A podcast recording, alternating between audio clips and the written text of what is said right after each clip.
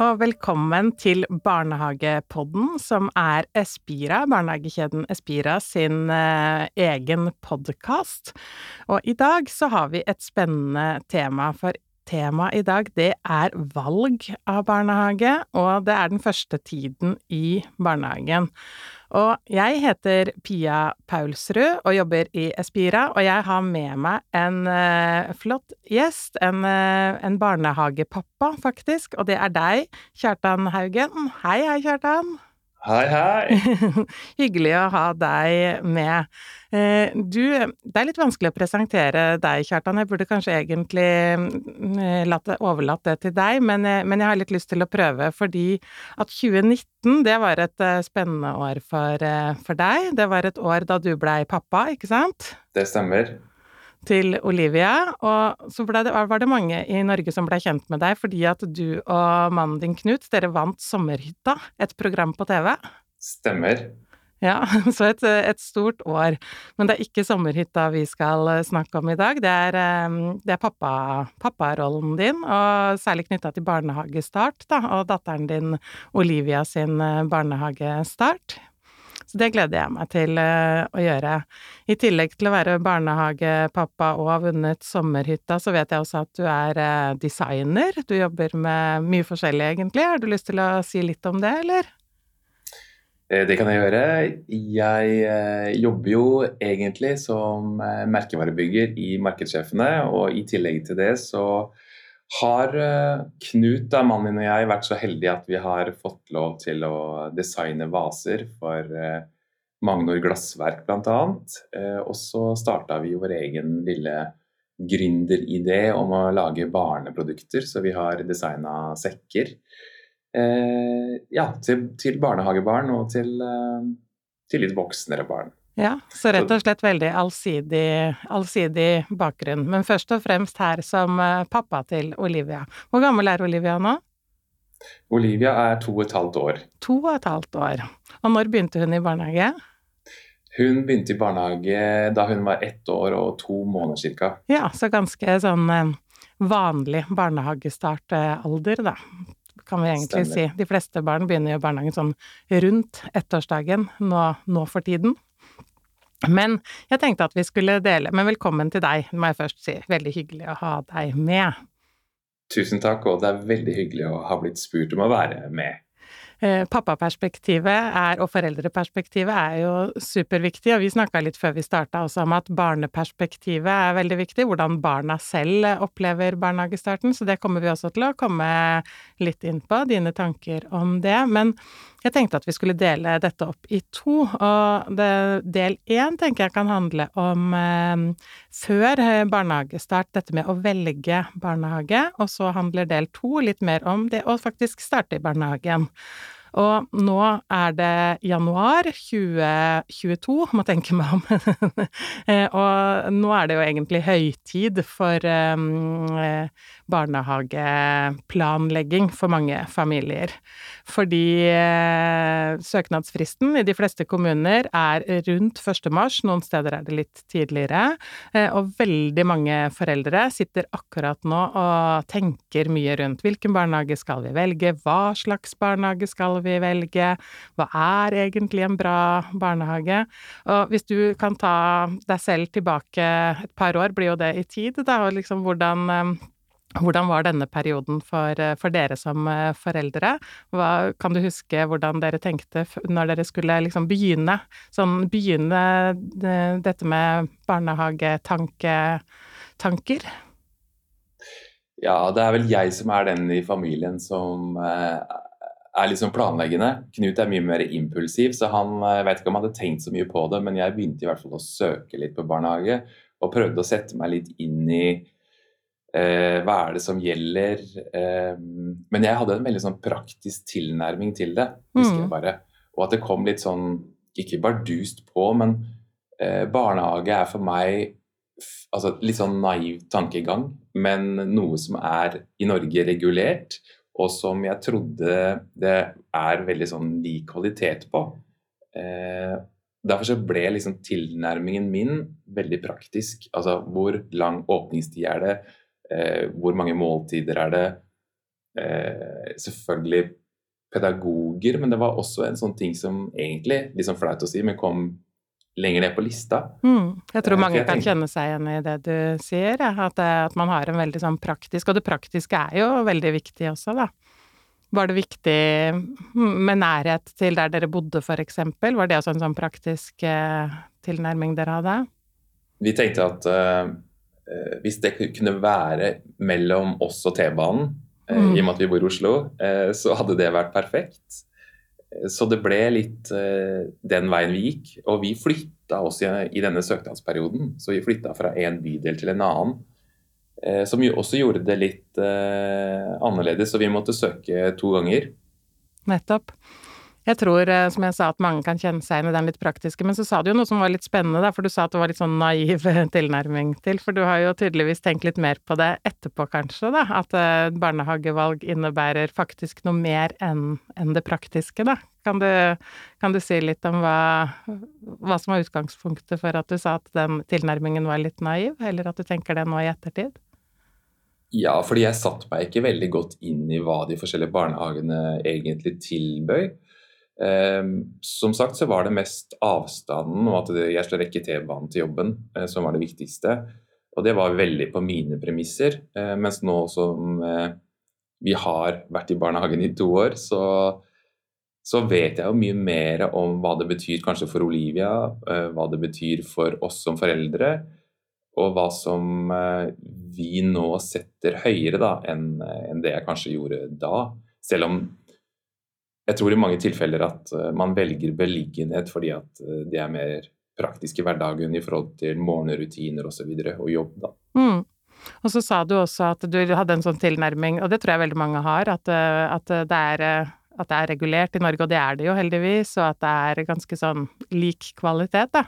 Men så viser jo forskningen oss at det er ganske ujevn kvalitet på, på barnehager i, i Norge. og Litt sånn enkelt eh, sagt så handler jo den kvalitetsforskjellen om at eh, noen barnehager er sånn helt passe, mens det er eh, også en del barnehager som er veldig mye bedre enn passe, da.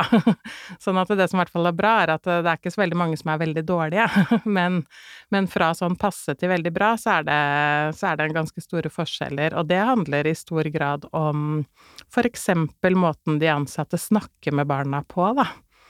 Er det, er det noe du du liksom kan kjenne igjen fra din, eh, din barnehageerfaring nå? At du, at du, har blitt med, at du har sett det litt mer, eller at du, at du liksom At du kan kjenne igjen den, eh, det perspektivet, da? Ja, jeg tok, en, jeg tok en prat med Knut om det, fordi de, det personalet som er i barnehagen, er eh, helt fantastisk og alfa og omega nå for oss, tenker jeg. Vi har jo også vært inne på at vi skulle flytte eller byttebarnehage. Men eh, de er eh, på en måte mye mer eh, infiltrert i Olivias liv enn det jeg trodde kanskje de ville være på forhånd. Jeg føler at barnehageansatte blir nesten som en del av familien fordi barna dine er der så mye. Og de blir også en del av oppdragelsen og hvordan de formes.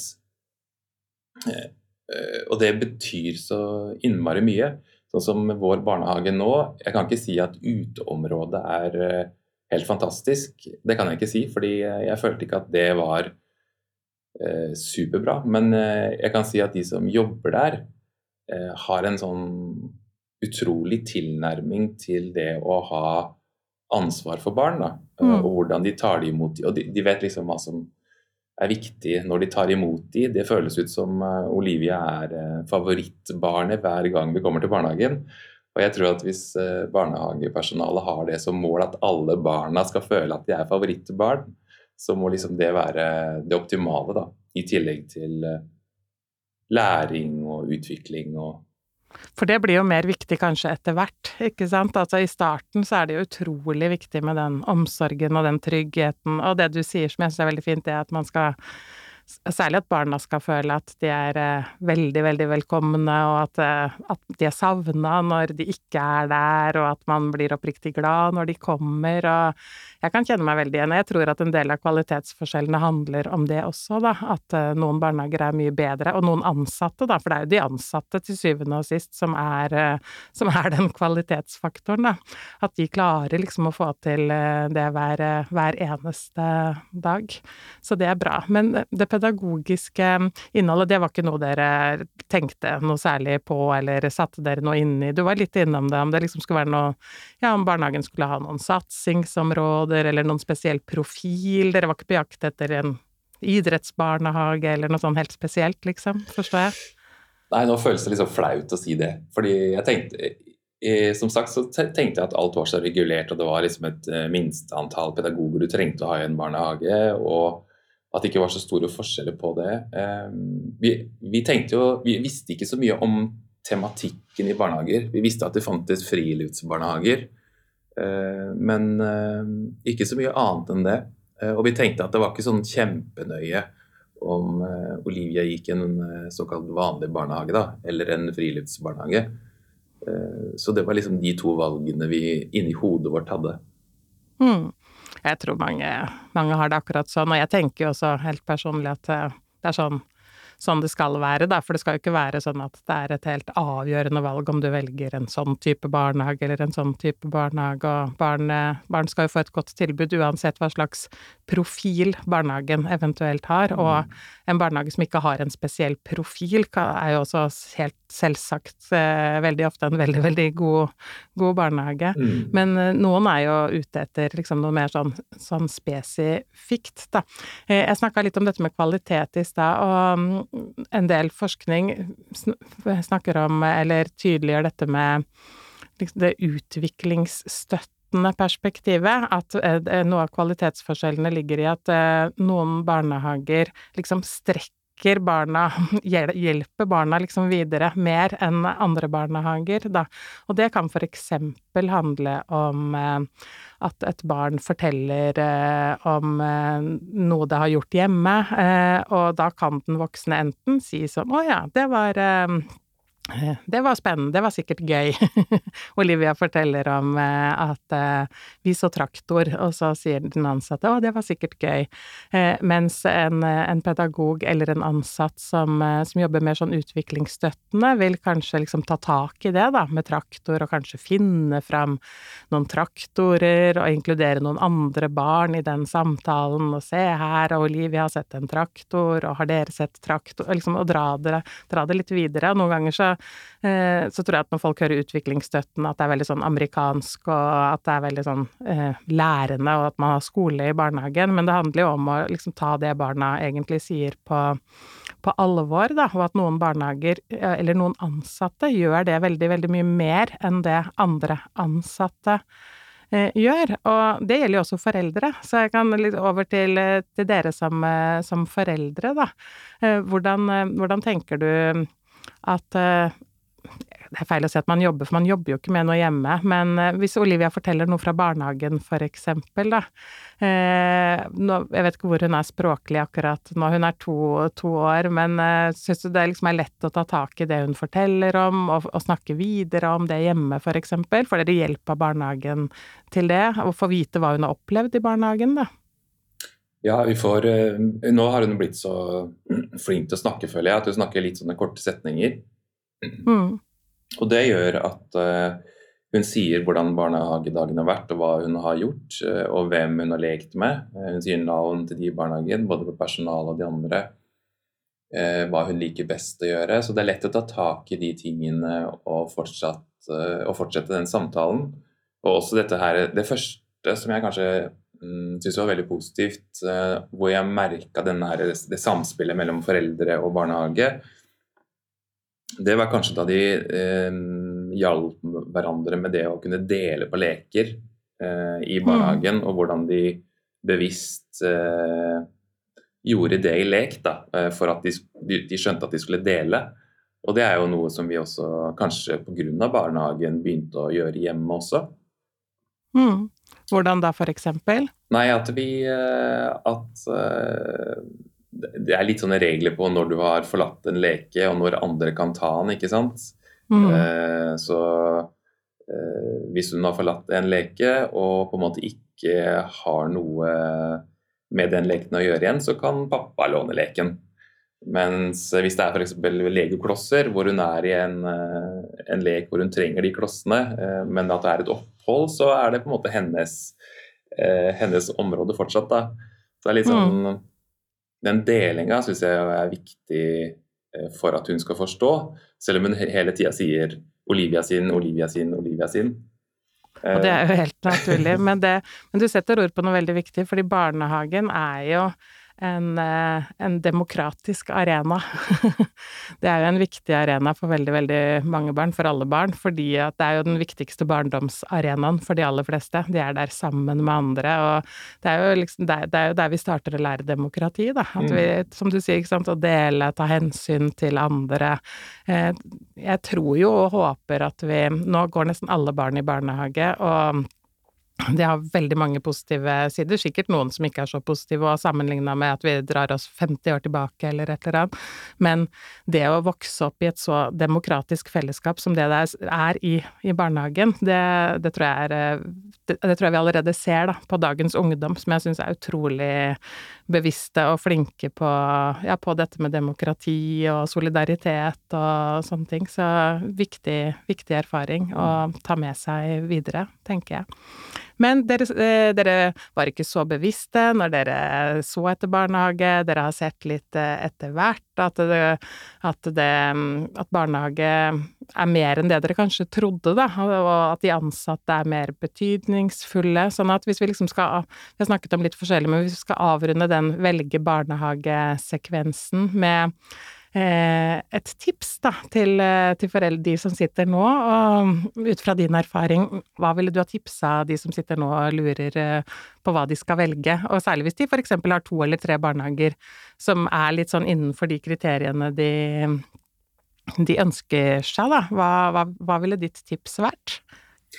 Nei, altså, jeg har ikke først... bedt deg om å forberede deg på dette, altså, så det blir litt spontant tips. De spontane tipsene er ofte de beste.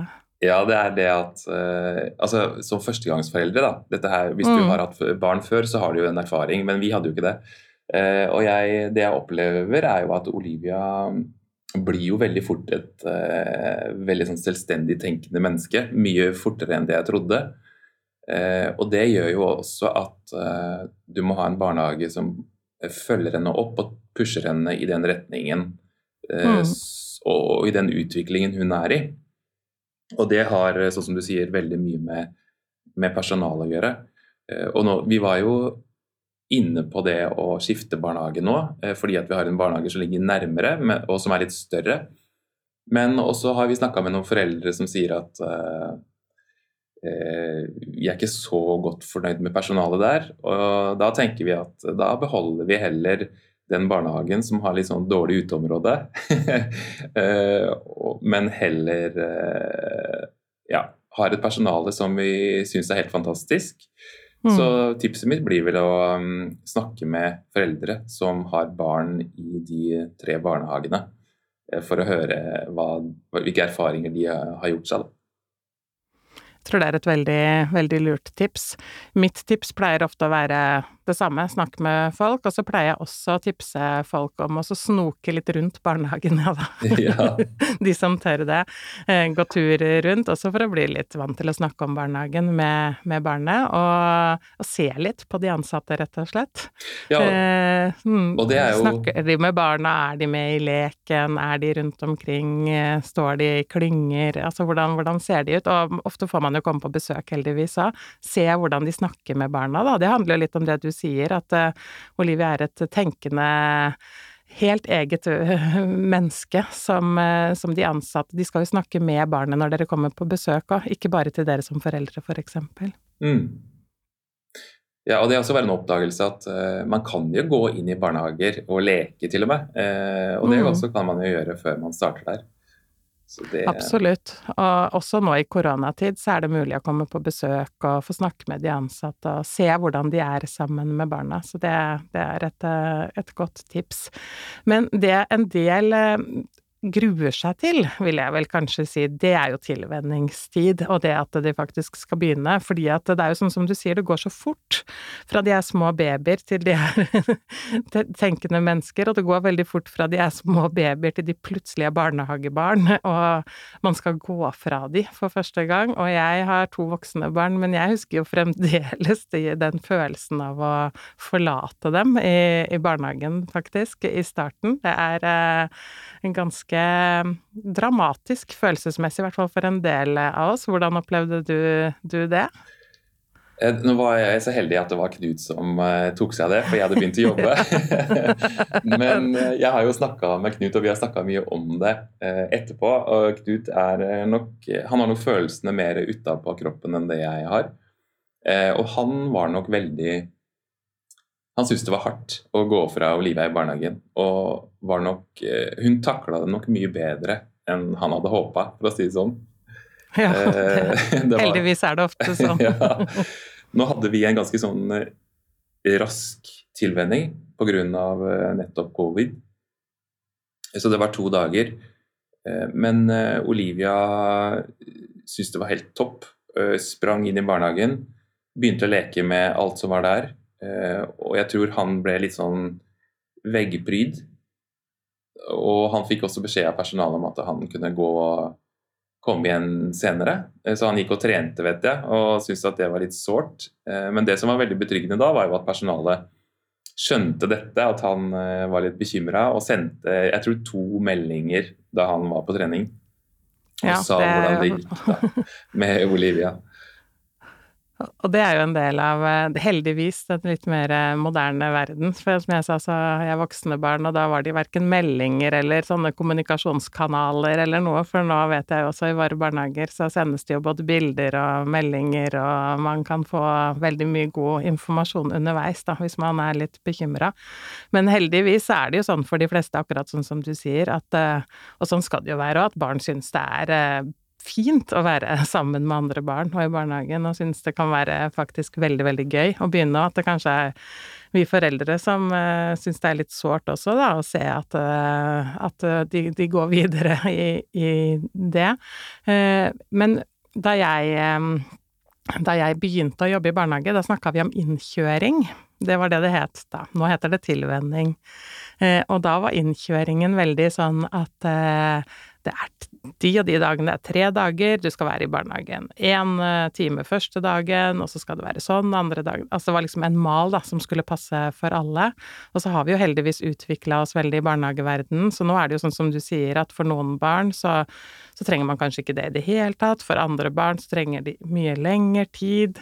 Eh, og barnehagen skal jo og vil jo legge til rette for det, men det er klart at for foreldrene så er jo det ganske krevende fordi hvis man ikke helt vet hva man skal forholde seg til, da, hvor, hvor lang denne tiden eh, kommer, eh, kommer, til å være. Men hva slags informasjon fikk dere fra barnehagen om, om tilvenningstiden og dager, og kan du huske det, eller det er jo en stund siden? Var det mer sånn et fast løp, eller var det litt opp til dere hvordan det skulle bli?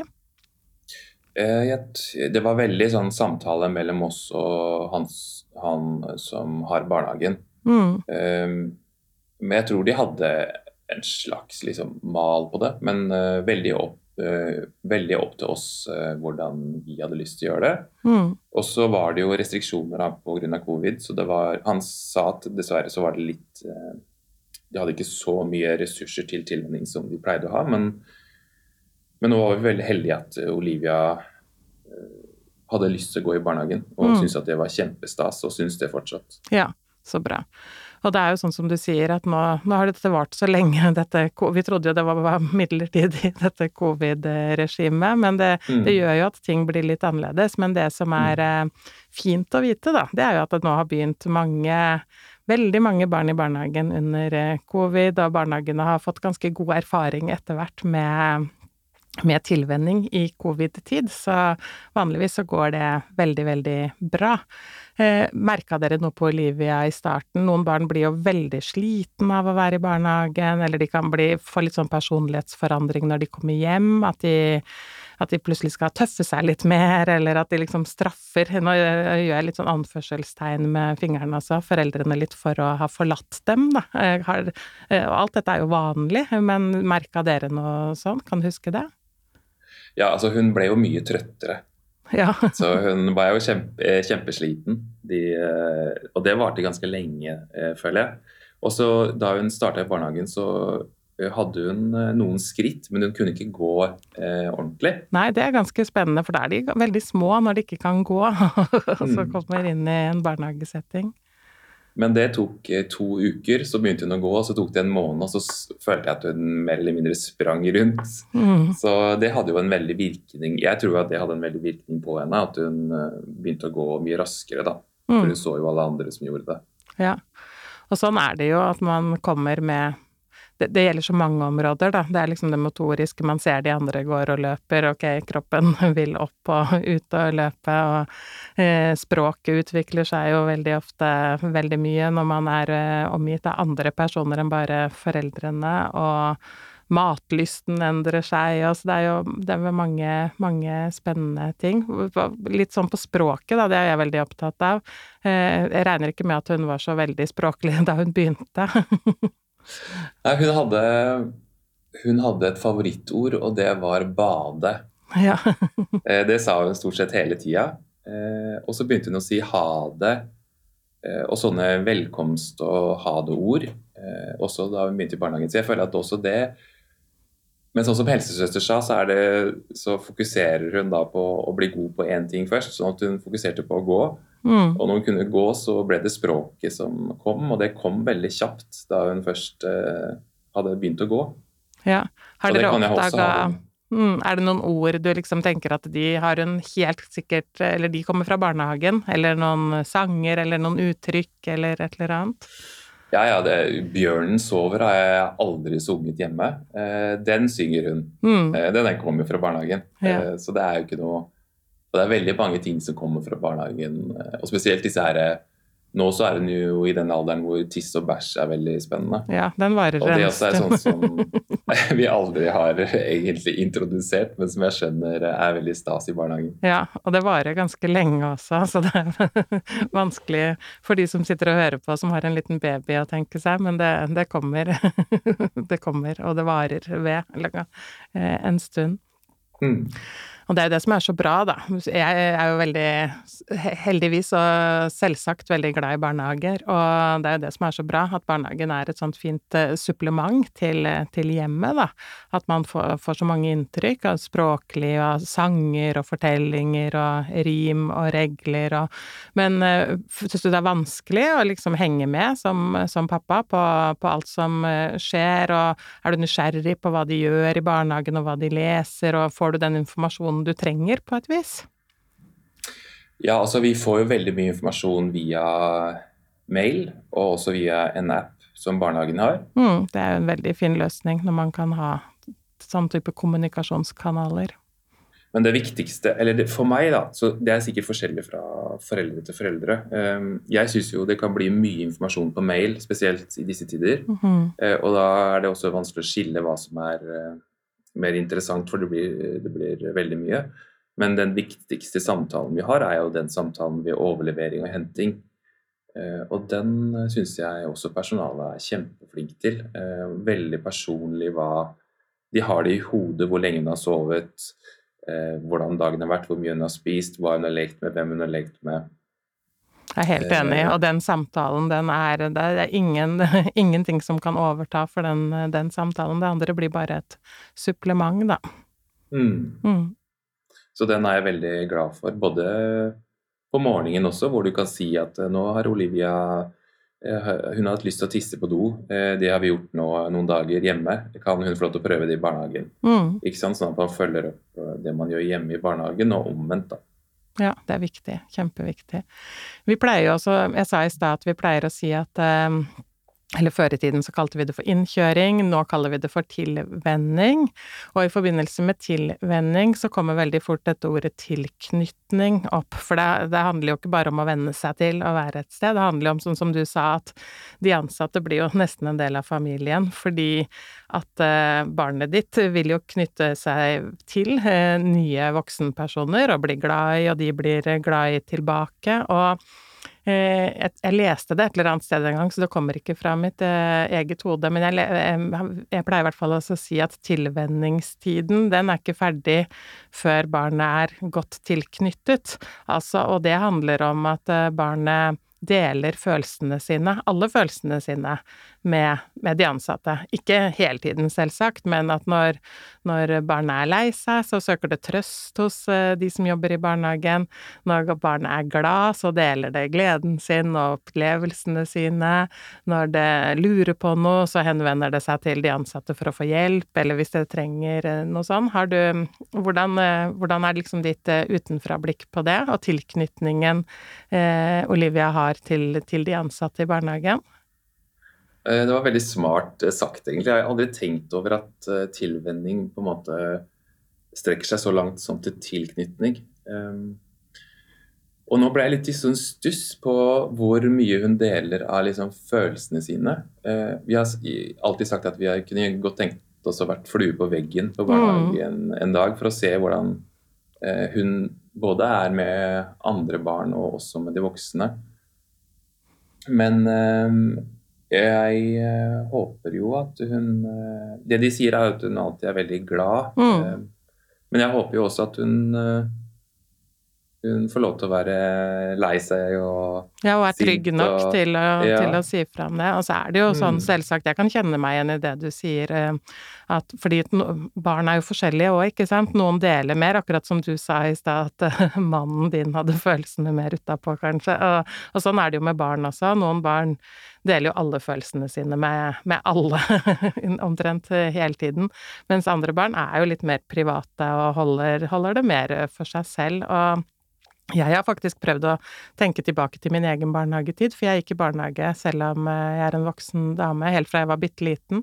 Og jeg tror ikke at jeg delte så mye vonde følelser i barnehagen. Det tror jeg ikke. Jeg tror jeg var stort sett, eh, sånn som du sier, litt sånn eh, ja, jeg tror hun trives og at hun er blid og fornøyd, men at jeg, var nok ikke trygg nok på de voksne til, til de andre, da. Så det er også en viktig ting å, å tenke på og se etter når man når man er barnehageforelder, da? Ja, det, det, skal jeg spørre etter neste gang. Ja. Det er et godt spørsmål. Ja, gjør det. Og så tenker jeg, for vi starta litt, vi skal runde av litt nå, men vi starta jo litt med dette at Eh, barnas perspektiv. Fordi at nå har jo du og jeg sittet og snakka en stund, og jeg har kommet med mine litt foreldre og litt faglige perspektiver, og du har kommet med dine, dine pappaperspektiver, da. Men så er det mm, barnet selv, det er liksom hvordan de opplever barnehagehverdagen. Og for noen år siden så kom det en uh, stor undersøkelse som viste at foreldre og ansatte, de mener at barn trives mye bedre i barnehagen enn det barn sier selv, hvis man prøver å liksom sammenligne de størrelsene da, i forskning, at man spør barna selv. Og det ble egentlig hele Barnehage-Norge litt sånn overraska over. Jøss, yes, ikke sant. Vi ansatte sier jo jo barna trives hos oss, og foreldrene jo tipp topp, barna trives. Men når de liksom gikk inn for første gang og begynte å spørre barna litt selv, så var det litt mer sånn variert. Og det betyr ikke at barna mistrivdes, men det betyr at eh, mange barn hadde det bare sånn helt ok i barnehagen da. Mm. Og når jeg sier eh, det til eh, deg, så, så, er det jo litt for å liksom høre hva, hva tenker du om, om liksom barneperspektivet, da, på, på, trivsel? Og du sa jo det, jeg håper jo at, ikke sant? Og etter hvert så kommer jo språket mer, og man kan fortelle litt mer om opplevelsene sine. Men hva tenker du om den, den forskningen som jeg viser til? Jeg tenker at det er litt sånn tankevekker, det også, da. Det er jo litt i samme gata som jeg, eh, om at jeg ikke har eh spurt uh, barnehagepersonalet om hun deler uh, kanskje triste ting, da, eller ting som hun syns er vanskelig. så igjen så er det liksom tankevekker, tenker jeg, at det er jo vanskelig å si hvordan hun har det, spesielt før hun får språk, eller før barnet får språk. Um, og jeg tenker at når vi, For vi spør jo veldig mye, og vi bruker jo veldig mye tid på å snakke om barnehagen hjemme. Mm. Både for å forberede henne uh, for at hun skal gå, uh, og også når hun kommer tilbake for å snakke om hvem hun har uh, lekt med, og hva de har lekt.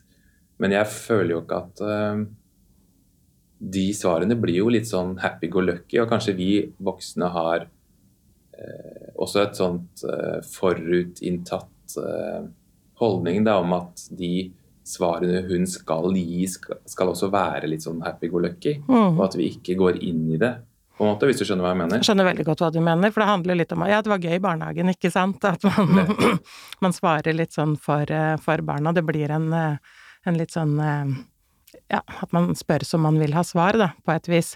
Men nå er det jo viktig å si at de aller fleste barn har det jo veldig, veldig fint i barnehagen, men det er jo også viktig å være åpen for for barnas perspektiv. Og jeg tror ikke det er Altså, alle skal jo ikke gå rundt og bare være glad hele tiden heller. Livet er eh, at noen ganger så er det litt leit, og noen ganger så har man ikke noen å leke med, noen ganger så, så savner man å være hjemme, eller ikke sant at det er Livet har jo mange perspektiver, men det som er viktig, er jo sånn som vi har snakka om, at, at barnehagen eh, eh tar seg godt av det, da, og at de hjelper de barna som eventuelt ikke har noen å leke med, og at eh, de hjelper barna å sette ord på de vanskelige følelsene, at de gir barna trøst når de trenger det. Og så syns jeg at du har sagt noe innledningsvis som, som er veldig viktig, og det er at uh, Olivia gleder seg til å gå i barnehagen, og har gjort det helt fra, fra første dag. Og det er jo kanskje den viktigste markøren for at man trives, da.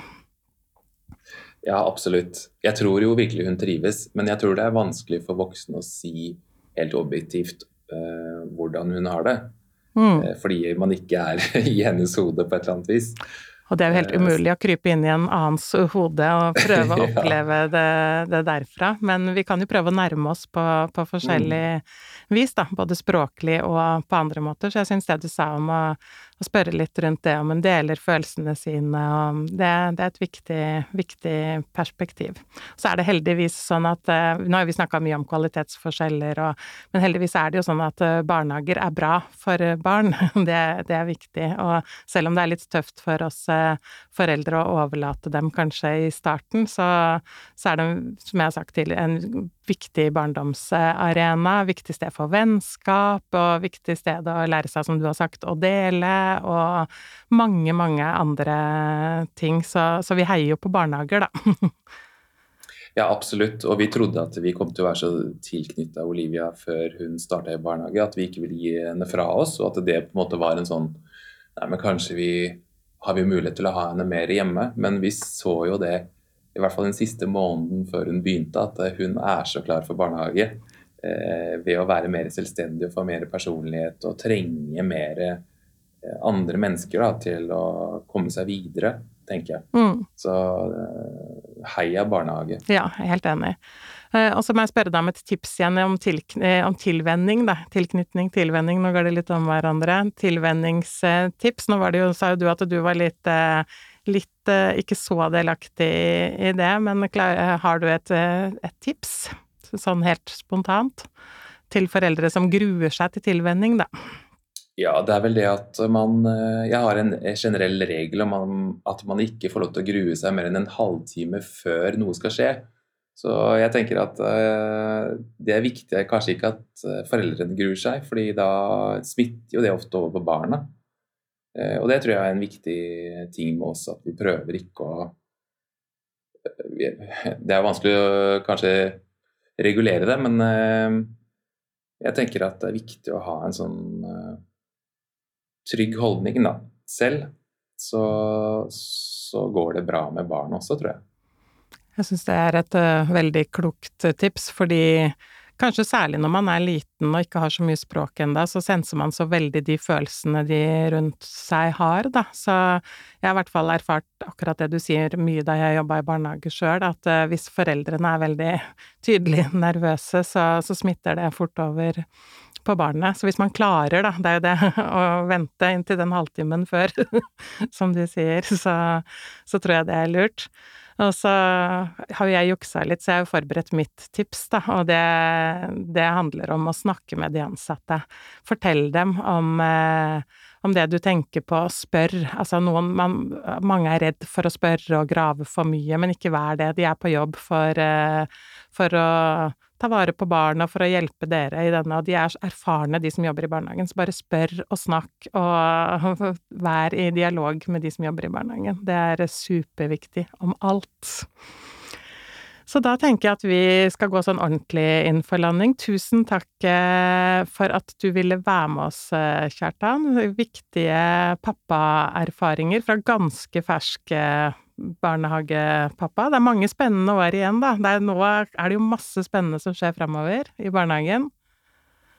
Ja, nå er det kjempemasse spennende som skjer. Eh, og eh, det er utvikling nesten hver dag, og det kommer med nye ord og uttrykk nesten hver dag også. Så nå er det sånn at vi Knut og jeg ser på hverandre og ler litt i skjegget. Ja. Eh, både på motorikk og, og, språk, egentlig. Ja, for tenk på det, er jo helt fantastisk disse barnehagårdene fra man er ett til man er fem-seks, ikke sant, det skjer så utrolig mye. Det er, jo, det er jo absolutt den tiden i livet hvor det skjer aller, aller mest utviklingsmessig, så det er bare å, bare å henge med.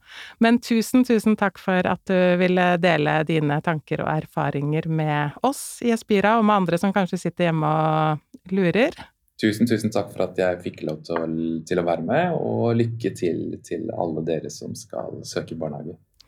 Det var et fint, eh, fint lykkeønske. Og hvis dere vil vite mer om barnehagestart og tilvenning og forskjellige ting, så finnes det mange flere podkaster inne på espira.no, så da er det bare å høre mer. Takk for i dag.